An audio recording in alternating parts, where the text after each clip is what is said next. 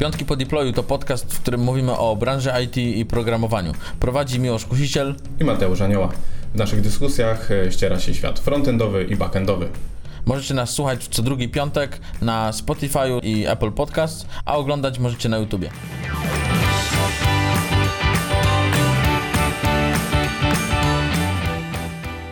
Witam Cię serdecznie, Ola, w naszym podcaście Piątki po deployu. Bardzo się cieszę za przyjęcie zaproszenia.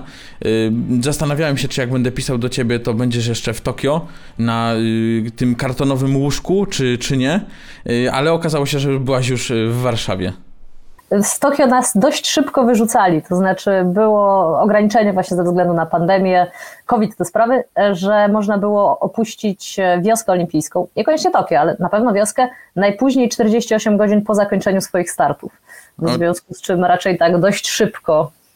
Czyli Tokio nie pozwiedzałaś? Nie, nie, jakby ktoś się mnie pytał, czy byłam na igrzyskach, no to oczywiście, czy byłam w Japonii, nie bardzo. To znaczy, tak z punktu widzenia zawodnika mieszkającego w wiosce, to tak naprawdę ta wioska równie dobrze mogłaby być pod Ciechocinkiem, oczywiście zakładając, że wolontariusze zostaliby importowani z Japonii, bo mogliśmy siedzieć tylko w tej właśnie covidowej bańce, czyli jesteśmy albo na terenie wioski, albo na terenie naszej areny sportowej, okazjonalnie jakiejś innej, ale jednak byśmy cały czas zamknięci i ograniczeni do transportu organizatora, w związku z czym no nie, nie pozwiedzaliśmy. Okej, okay, dobrze. To jeszcze tylko wyjaśnię naszym słuchaczom i widzom, dlaczego w ogóle zostałaś zaproszona. Ja oglądając filmik Gąciarza, yy, patrzyłem sobie na twoje przygotowania do igrzysk, yy, bo brałaś w nich udział, udział, nie tylko w tych, ale i w poprzednich, yy, w Rio, które się odbywały. No i padły tam słowa, że jesteś inżynierem oprogramowania. I od razu to mnie tak po prostu strygerowało i mówię, oho, musimy Ole zaprosić, żeby powiedziała, jak coś takiego można w ogóle pogodzić i czy jedno drugiemu w ogóle pomaga. To jakbyś mogła powiedzieć, czym na co dzień się zajmujesz, chyba że tą codziennością twoją to właśnie strzelanie do rzutków. Nie, strzelanie to jest zdecydowanie hobby, to na pewno nie może być w Polsce zawód, w związku z czym mm, to jest coś, co robię po godzinach i weekendami, okazjonalnie w zasadzie przed godzinami, bo akurat strzelając na dworzu mm, godziny i w szczególności dostępność słońca mocno mnie ogranicza. E, natomiast no, na co dzień, jak słusznie zauważyłeś e, wcześniej, jestem inżynierem oprogramowania. Bardzo mi się to stwierdzenie podoba. Zawsze chciałam zrobić inżynierkę, nigdy mi się nie udało, więc chociaż inżynierem zostałam później. E, w Google, w warszawskim biurze Google. Konkretnie rzecz biorąc, pracuję w e, chmurze, znaczy nad chmurą może lepiej, w czymś, co się nazywa Cloud Composer, czyli właśnie taki produkt chmurowy dla, e, dla raczej dla przedsiębiorstw. Mhm. A w, w, w jakichś językach konkretnych programujesz, czy, czy to jest jeszcze inny rodzaj pracy? Nie, nie jest to jak najbardziej programowanie, chociaż zawsze wszystkim, którzy myślą, że ja sobie po prostu grzecznie siedzę i klepię kod jako code monkey, uświadamiam, że dlaczego to się nazywa inżynier oprogramowania, a nie programista. Dużo spotkań, jeszcze więcej design doków i w zasadzie bardzo dużo pisania o kodzie. Natomiast e, tak programuję ku mojemu wielkiemu cierpieniu w Javie głównie, bo jednak ja jako bioinformatyk z wykształcenia jestem Python all the way, więc Java nadal mnie trochę boli, ale już się przyzwyczajam. Okej, okay, okej. Okay. Ale czyli jesteś taka zmuszana w sumie, czyli a, a nie da się tam prze, przemycić jakoś tego Pythona jeszcze? Trochę Pythona jest, bardzo mnie to pociesza. W tym momencie właśnie chwilowo walczę dość poważnie z pewnymi ograniczeniami ArcParsa w Pythonie. Natomiast e, niestety no sporo, akurat mamy dużo Pythona, ponieważ Composer to jest e, Google'owa zarządzana wersja Apache Airflow'a, który jest Pythonowy, więc e, to ratuje mi sytuację. Mogę w Pythonie również rozwinąć skrzydła. Natomiast no, dla kogoś, kto jednak wierzy w Pythona, ilość Java jest trochę zatrważająca, ale z drugiej strony nikt mi nie powie, że się w pracy nie rozwijam. Okej, okay, super, super. No wiadomo, każdy, kto programuje, musi się rozwijać. Jak idzie na rekrutację, to mówi tylko o tym, że chciałby się rozwijać, bo co innego przecież można robić jako deweloper właśnie. E, Okej, okay. to mam do ciebie w sumie pytanie, czy pierwsze było strzelanie, czy właśnie programowanie? Jeżeli mówimy tutaj o programowaniu jako o hobby, to w zasadzie jedno i drugie, bo strzelać zaczęłam w gimnazjum i programować dość nieudolnie na razie. Również zaczęłam e, w gimnazjum, więc powiedziałabym, że zainteresowanie pojawiło się w dość zbliżonym momencie. Mhm. A dlaczego akurat strzelanie, a nie coś innego, nie wiem, bieganie, pływanie? Przecież to z igrzyskami się mocno kojarzy. A kto zna nazwę skit? Ja znam, bo ja grałem w Sydney 2000 i tam była taka konkurencja. I uwielbiałem w to grać. To polecam, na żywo jest jeszcze fajniej. Natomiast e, to znaczy, no wiesz, bo przy bieganiu to jednak się człowiek męczy. To prawda. Coś o tym wiem.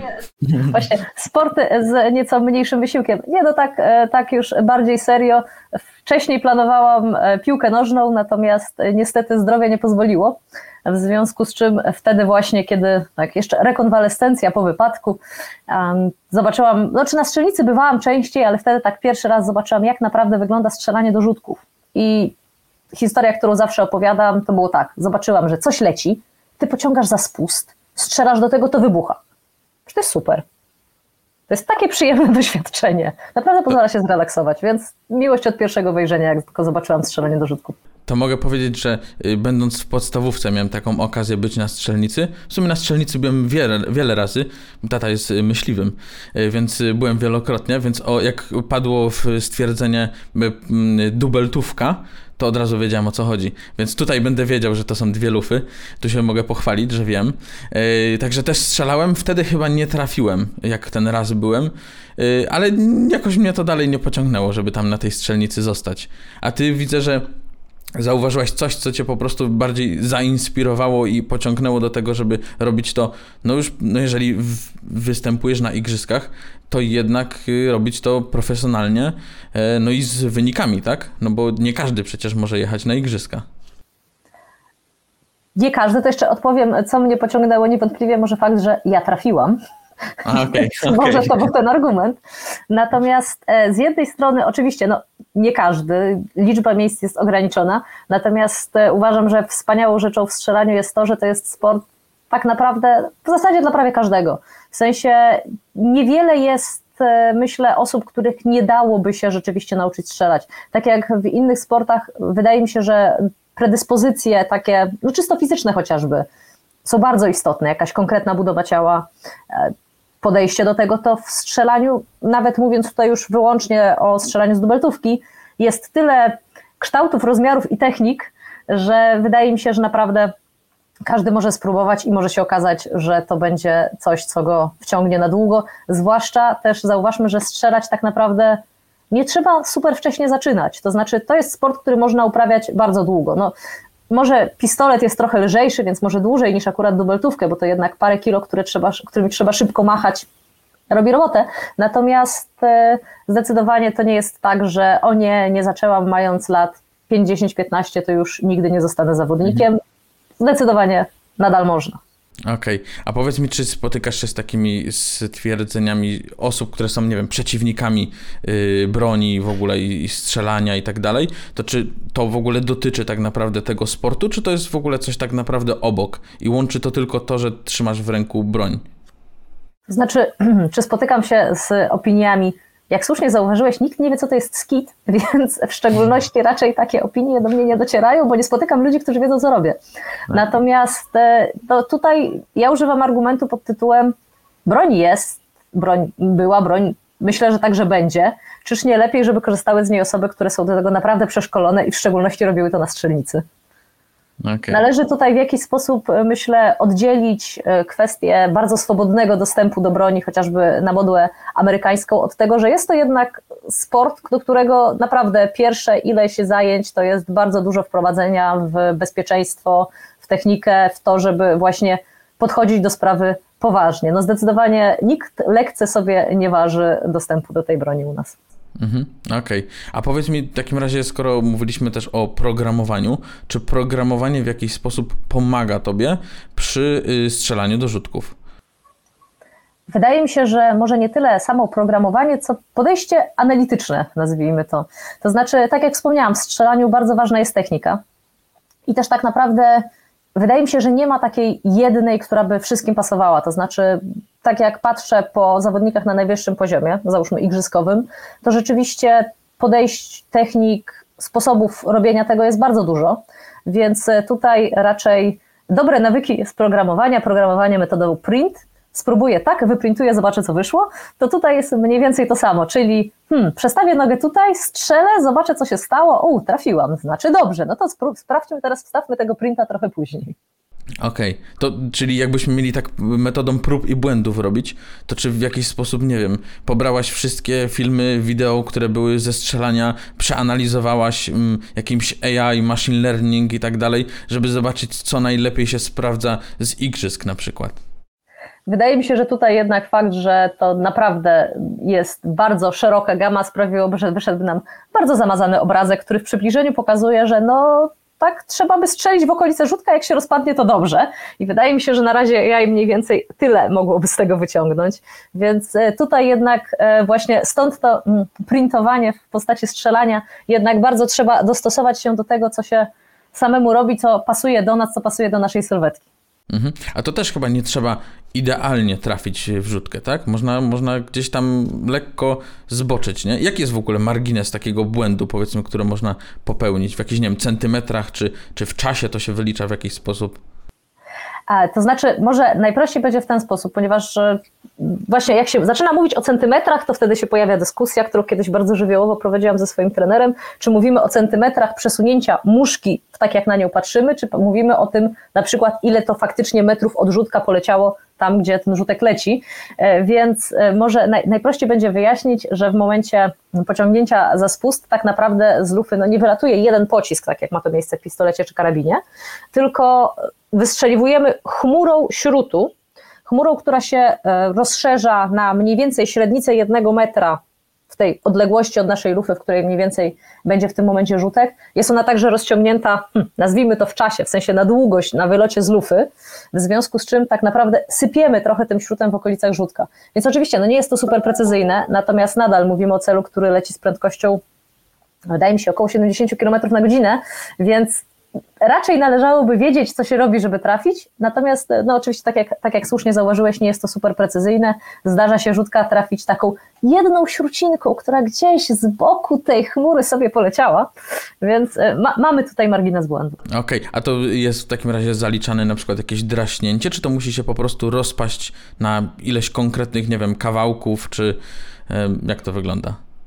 E, mamy dość nazwijmy to pobłażliwe, acz arbitralne podejście do zaliczenia, to znaczy, e, o ile dobrze kojarzę, w przepisach jest to sformułowane jako będzie wyraźny odprysk bądź zmiana toru lotu rzutka, która jednoznacznie wskazuje na to, że został on trafiony.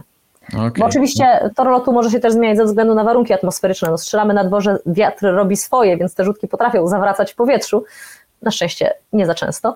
Natomiast e, rzeczywiście no, raczej widać, kiedy ktoś trafił, choć oczywiście zdarzają się właśnie takie rzutki, które zostały przestrzelone dosłownie tą jedną śrucinką i później znajdujemy je wśród tych trafionych, więc zakładam, że je raczej ciężko byłoby poznać. Przepraszam, okay. wśród tych nietrafionych. Ciężko okay. byłoby poznać. Okej, okay. a to sędziowie w ogóle oceniają, tak? E, tak, tak, tak, tak. To znaczy podczas e, strzelanej przez nas serii jest zawsze trzech sędziów, to znaczy jeden sędzia główny, to jest ten, który faktycznie mówi, czy rzutek został trafiony, oraz dwóch tak zwanych bocznych, którzy mogą być albo sędziami zapewnionymi przez organizatora, no to to jest zazwyczaj podczas finałów albo faktycznie ważnych imprez typu igrzyska, lub też po prostu e, losowe ofiary z e, innej grupy strzelców, które siedzą i rzeczywiście pilnują po to, żeby było więcej oczu na rzutku, żeby właśnie stwierdzić, czy może jednak coś od niego odpadło. To, to, ja mam w sumie takie pytanie, bo jak powiedziałeś o Pythonie, że jednak y, lubisz w nim programować, ja też, my w firmie akurat Merrick Studio dużo korzystamy z Pythona, to mam, no jest y, Python często kojarzony y, właśnie z, czy z jakimś data science y, i o, sprawdzeniem tego, co się dzieje na obrazie, E, to czy myślisz, że w przyszłości może być tak, że nie będziemy potrzebować sędziów, a będziemy mogli sprawdzać sobie po prostu, nie wiem, jakimiś kamerami, czy ten rzutek został rozwalony poprawnie, czy nie? Myślę, że może taki moment nastąpić. Już teraz, e, tak naprawdę od wydaje mi się, może roku, dwóch, wprowadzony został system VAR u nas, podobnie jak w piłce nożnej, przy czym jednak no, strzelanie ma gorsze finansowanie niż piłka, mamy o wiele mniej kamer, co sprawia, że niestety bardzo często się zdarza, że ten rzutek, który faktycznie jest sprawdzany na warze, akurat został trafiony poza zasięgiem kamery. Więc okay. myślę, że brakuje nam może tutaj jeszcze trochę rozwiązań technologicznych, żeby rzeczywiście to bardzo dobrze oceniać, natomiast wydaje mi się, że jak najbardziej e, kwestie trafień będzie można tutaj rozwiązać. Natomiast sędzia jako taki myślę, że nadal pozostanie bardzo ważną osobą, no bo nadal mówimy o broni, mówimy o bezpieczeństwie. Ktoś czasem musi powiedzieć stop, bo znienacka pojawił nam się grzybiarz w tle. Tutaj, e, jeżeli mogę zrobić dygresję, to myślę, że właśnie sytuacja będzie trochę analogiczna do autonomicznych busików Toyoty, które jeździły po wiosce olimpijskiej ponieważ był tam też taki, nazwijmy to gadżet. No więc w każdym z takich e, busików jechały również e, zazwyczaj dwójka, czasem nawet trójka wolontariuszy, którzy pilnowali, czy busik na pewno zatrzyma się i rzeczywiście podchodzili do sprawy bardzo bezpiecznie, to znaczy wystarczyło, że ktoś spojrzał w stronę ulicy, którą jechały busiki. Busik się na wszelki wypadek zatrzymywał, gdyby ta osoba miała tam biec. Okej, okay. ale widzisz, na, na zewnątrz to wygląda, że są autonomiczne, nie ma tam żadnej obsługi, wszystko działa, nowe technologie. Tokio poszło do przodu, cała Japonia pokazuje kierunek tego, jak to, jak to powinno w ogóle wyglądać, nie? A to. Żeby nie było, sądzę, że one autonomicznie też by sobie poradziły, natomiast e, jednak nastawienie na bezpieczeństwo było na tyle duże, żeby w każdym miejscu przynajmniej trzech wolontariuszy pokazywało nam, gdzie należy zdezynfekować ręce, więc fakt, że autonomicznego busika ktoś pilnował, też mnie do końca nie zaskakuje. Okej, okay, okej. Okay. No a w ogóle jak możesz porównać te igrzyska do poprzednich? No bo byłaś na poprzednich, o ile dobrze pamiętam, zajęłaś 14 miejsce. 12 wydaje mi się, 12? ale Przepraszam. nie jestem pewna. Przepraszam, a teraz 19, tak? Tak. No na poprzednich 19 bym nie zajęła, bo nie jestem pewna, czy było nas 19, tutaj było, nas, było więcej osób. No cóż, myślę, że z wyniku tam byłam nieznacznie lepiej zadowolona niż e, tutaj. Tutaj trochę zabrakło. Natomiast e, zakładam, że e, bardziej pytasz się o porównanie samych igrzysk, a nie a, mojego tak, zadowolenia. Tak, no to już wiemy, po, po samym wyniku widać, czy jest większe, czy mniejsze zadowolenie. Te igrzyska pod wieloma względami były fajniejsze, to znaczy wydaje mi się, że były jednak lepiej zorganizowane. Japończycy to już nawet myśląc lekko stereotypowo, trochę bardziej dopilnowali wielu rzeczy niż działo się to w Brazylii, no chociażby wioska była skończona. Natomiast, e, przepraszam, natomiast jednak zabrakło mi wielu takich powiedzmy elementów, które najbardziej kojarzą mi się z wioskami jakichś igrzysk. Specjalnie mówię tutaj jakichś, ponieważ e, wioski zdarzyły się mi e, także odwiedzić podczas igrzysk europejskich albo uniwersjady, która w sumie to się powinno chyba nazywać Igrzyska Uniwersyteckie. Nigdy nie zetknęłam się z tą nazwą, ale miałoby to więcej sensu. Natomiast e, wioska to jednak jest takie, ja wszystkim mówię, takie duże kolonie. Tam bardzo dużo bardzo wysokich i bardzo wysportowanych dzieci, które nagle zostały spuszczone z łańcucha trenerskiego. Więc zawsze są tam naprawdę fajne takie miejsce spotkań, okazja, żeby poznać się z ludźmi z innych dyscyplin, okazja, żeby poznać lepiej inne dyscypliny, na przykład jadąc, właśnie oglądając, kibicując. Tego zabrakło. No tutaj jest to oczywiście nie wina organizatorów, tylko sytuacji pandemicznej, ponieważ byliśmy, tak jak wspomniałam wcześniej, bardzo mocno ograniczeni, jeśli chodzi o przemieszczanie się. Tak samo była dość wyraźna sugestia, żeby się za bardzo nie grupować, więc też zabrakło w wiosce tak naprawdę takich miejsc spotkań. Zawsze były games roomy, gdzie było kilka telewizorów, kilka konsol, trochę puf, można było posiedzieć, pograć. Tutaj tego zabrakło. Żeby nie było, radziliśmy sobie, zdarzyło się kilka publicznych telewizorów. E, jeden taki właśnie publiczny telewizor w budynku, w którym mieszkała reprezentacja Polski. Wydaje mi się, że już po jednym albo dwóch dniach miał do siebie podłączone trzy konsole. Okay. Byliśmy przygotowani, natomiast zabrakło tego e, także powiedzmy poza, ponad reprezentacjami. Powiedziałaś o organizacji igrzysk jednych i drugich, że było widać, że były lepiej zorganizowane te w Tokio. Mieli też jeszcze rok więcej, jednak taki gratisowy do tego, żeby to faktycznie zrobić. Ale pytanie jeszcze takie, czy zauważasz różnicę w technologiach, które zostały użyte? Jakby, no wiemy, że Japonia to jednak trochę jest do przodu, no szczególnie przed, przed y, Rio, gdzie, gdzie były ostatnie, wcześniejsze igrzyska. To czy oprócz e, tych y, samochodów autonomicznych, nie wiem, nowych podejść do jakichś, nie wiem, tam podjeżdżały jakieś małe samochodziki, podwoziły jakieś rzeczy, oszczepy i tak dalej, to też, też zauważyłem. Czy jeszcze coś zauważyłaś, co było jakąś dużą różnicą? Wydaje mi się, że nie do końca, ale to też jest związane z faktem, że no, widziałam tylko swoją dyscyplinę, więc w szczególności no, nie zaskoczyło mnie tam tak naprawdę nic w stosunku do tego, co, e, co mogę spotkać na innych zawodach. Na przykład no, broni nam żaden autonomiczny samochodzik podwoził nie będzie. Chyba jedyna taka różnica to to, że nasze akredytacje tym razem nie były tylko kawałkiem zalaminowanego papieru, ale rzeczywiście na wejściu do wioski były one skanowane, były również od razu e, kontrola mm, face scanning, żeby sprawdzić, czy to na pewno osoba z akredytacją się zgadza. Więc to, to tutaj maszyna zastąpiła człowieka, który robił to w Rio. Okay. Natomiast chyba nic ponadto specjalnie nie rzuciło mi się w oczy. Mhm. A powiedz mi, bo ja mm, oglądałem dość mocno te, znaczy tak coś codziennie praktycznie te igrzyska i wyłapywałem sobie jakieś technologiczne takie aspekty, które się gdzieś tam pojawiały, typu y, tartan, który był jakieś, nie wiem, super jakości i bardziej odbijający, gdzie potem przy 35 stopniach obkładali go lodem, bo się zaczynał topić, albo jakieś karbonowe wkładki do butów, które y, zwiększały na przykład krok. Czy nie przeraża cię trochę coś takiego, czy bardziej cieszy, że ta technologia ma dość mocny wpływ na, na, na sport w ogóle? Przy całej mojej sympatii do technologii oraz e, przy fakcie, że lubię okazjonalnie oglądać zawody e-sportowe, wydaje mi się, że jednak wolałabym chyba, żeby sport pozostał sportem. W sensie to jest to rywalizacja człowiek versus człowiek i raczej na tym powinna się ona w moim rozumieniu skupić, ale mogę żarliwe, że patrzę na to też przez pryzmat mojego strzelania, w którym tak naprawdę no, dubeltówka to jest trochę konstrukcja cepa. Tak naprawdę dubeltówka, która powstała załóżmy 100 lat temu, znacząco nie różni się od tego, co mam teraz. Oczywiście pewne zmiany zaszły, tak? proces technologiczny chociażby wytwarzania jest trochę inny, ale kolba jest drewniana, ręcznie robiona. Lufy ktoś kiedyś odlał, więc tutaj tak naprawdę w strzelaniu precyzyjnym, tak, karabiny, pistolety to jest e, rzeczywiście. No, nie wiem, czy człowiek 100 lat temu, widząc ten karabin, domyśliłby się, że to jest karabin. Mhm. Natomiast akurat u nas, tak naprawdę, tą stuletnią dubeltówką nadal dałoby się, myślę, osiągnąć dobry wynik.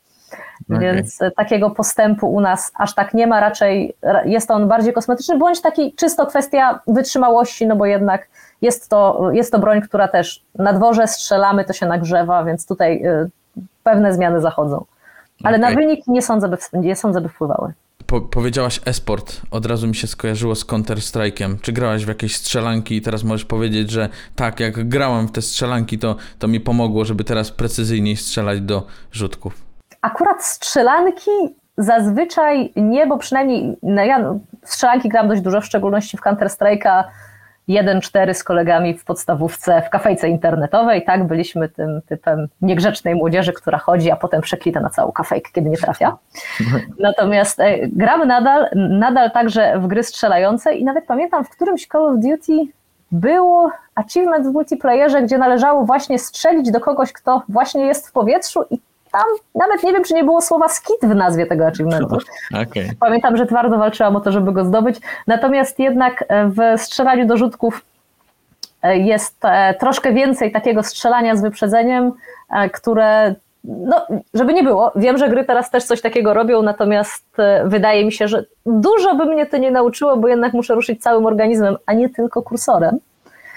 Ale jak najbardziej postrzelać w grach też lubię jak, jak myślę Counter-Strike, to od razu kojarzy mi się z jakimiś cheatami, jakimś aimbotem.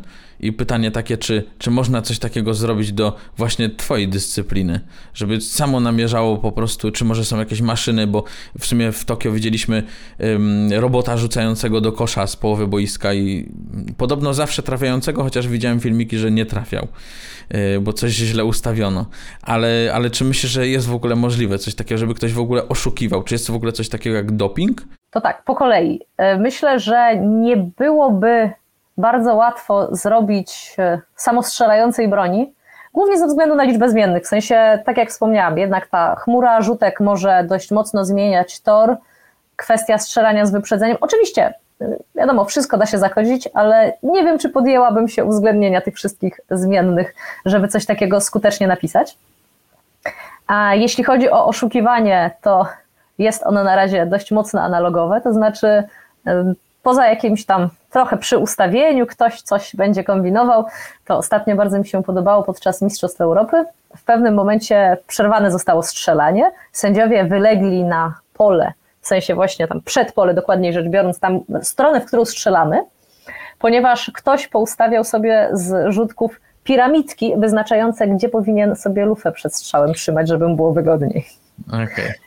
Więc to jest chyba na razie jedyne takie e, oszukiwanie, z którym się zetknęłam. Natomiast jeśli chodzi o doping, to ja jeszcze nie słyszałam o takim, który byłby skuteczny.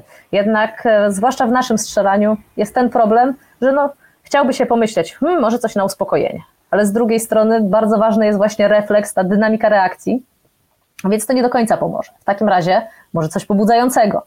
No ale wtedy jest większa szansa, że zabraknie nam tej precyzji i właśnie spokojnego zrobienia wszystkiego, bo ruch musi być dynamiczny, ale spokojny.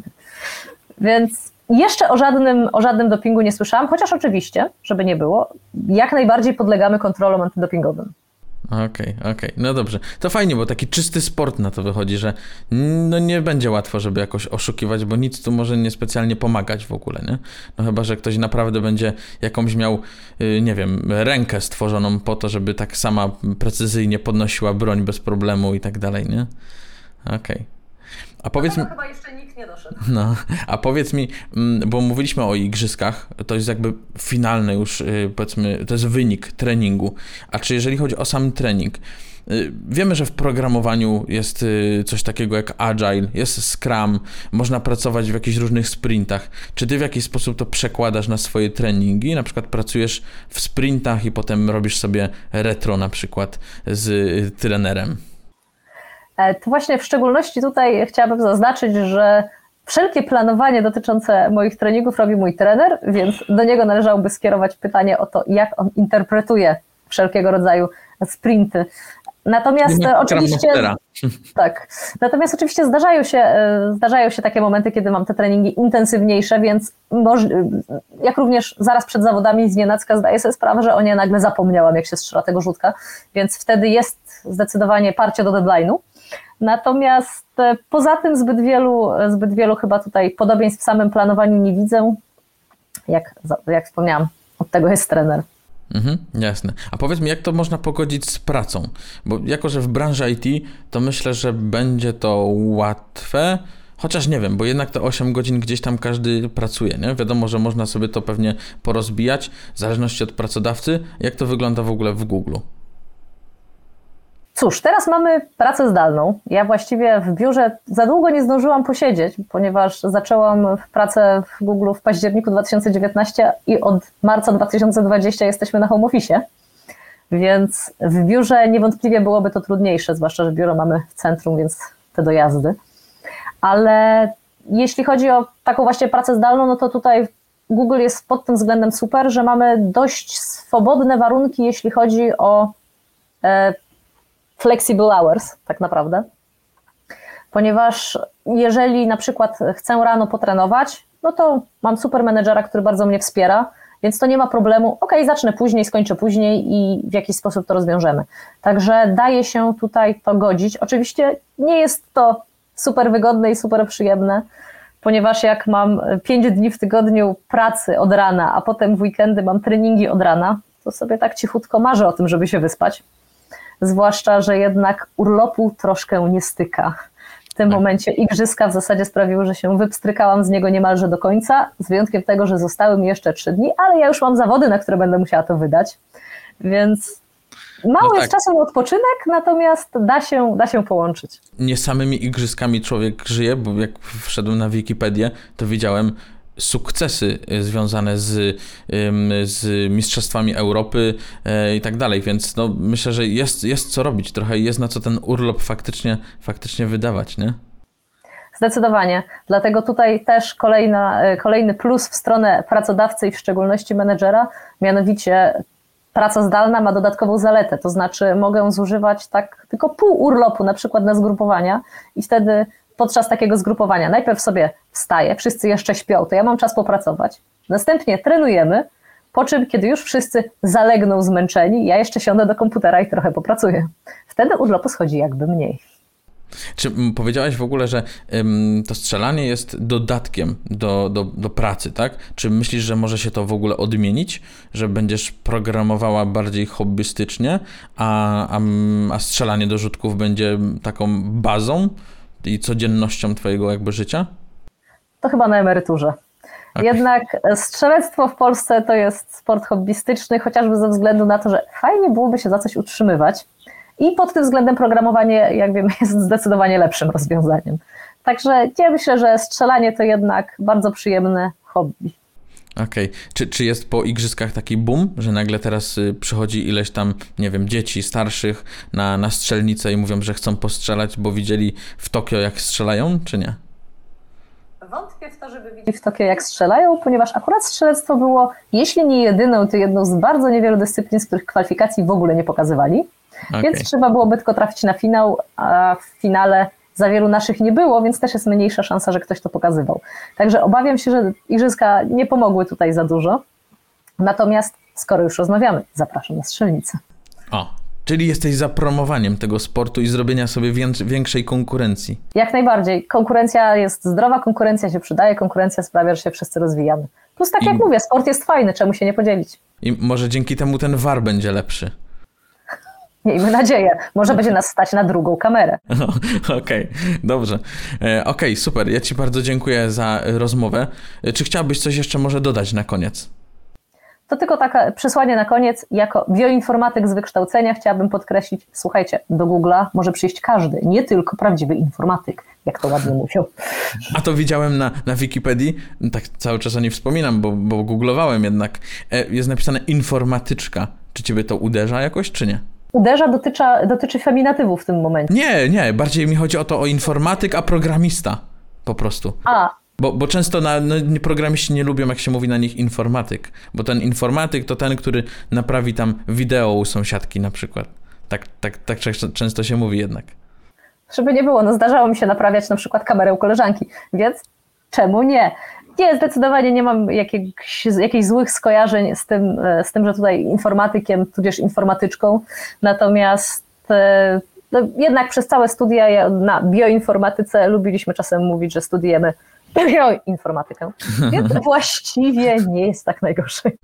Okej, okay, okej, okay, dobra. Super, bardzo Ci dziękuję i życzę kolejnych sukcesów, bo y, jak ktoś może powiedzieć, a 19 miejsce to mało, a według mnie i tak y, być na igrzyskach to no, rzadko kto tam jednak jest, a szczególnie z branży IT. Myślę, że jest trochę, y, nie wiem czy aktywnych tutaj osób jednocześnie będących na igrzyskach i w branży IT, natomiast jak najbardziej zdarzają się eks-olimpijczycy, nazwijmy to, chociaż myślę, że to jest akurat status, którego się do końca nie traci, którzy, którzy do branży IT przychodzą. Wiem na pewno, że w Google jest kilka osób po igrzyskach. Nawet ostatnio na Keywordzie, czyli blogu googlowym, był artykuł z cytatami właśnie z olimpijczyków pracujących w Google.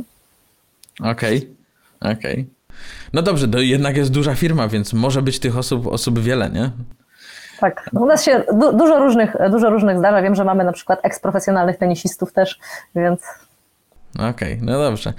Bardzo dziękuję za rozmowę i jeszcze raz życzę z kolejnych sukcesów i mam nadzieję, że na kolejnych igrzyskach, nie wiem gdzie one teraz będą, y, ale tam gdzie będą, to mam nadzieję, że już będą pokazywać i będą dwie kamery na warze i może jednak coś tam się z programowania jeszcze da przemycić, żeby trochę polepszyć wyniki.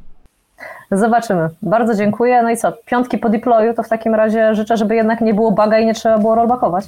Tak jest. I żeby ten weekend można było spędzić na strzelnicy, a nie na programowaniu dalej. Dzięki bardzo. Dzięki. Cześć.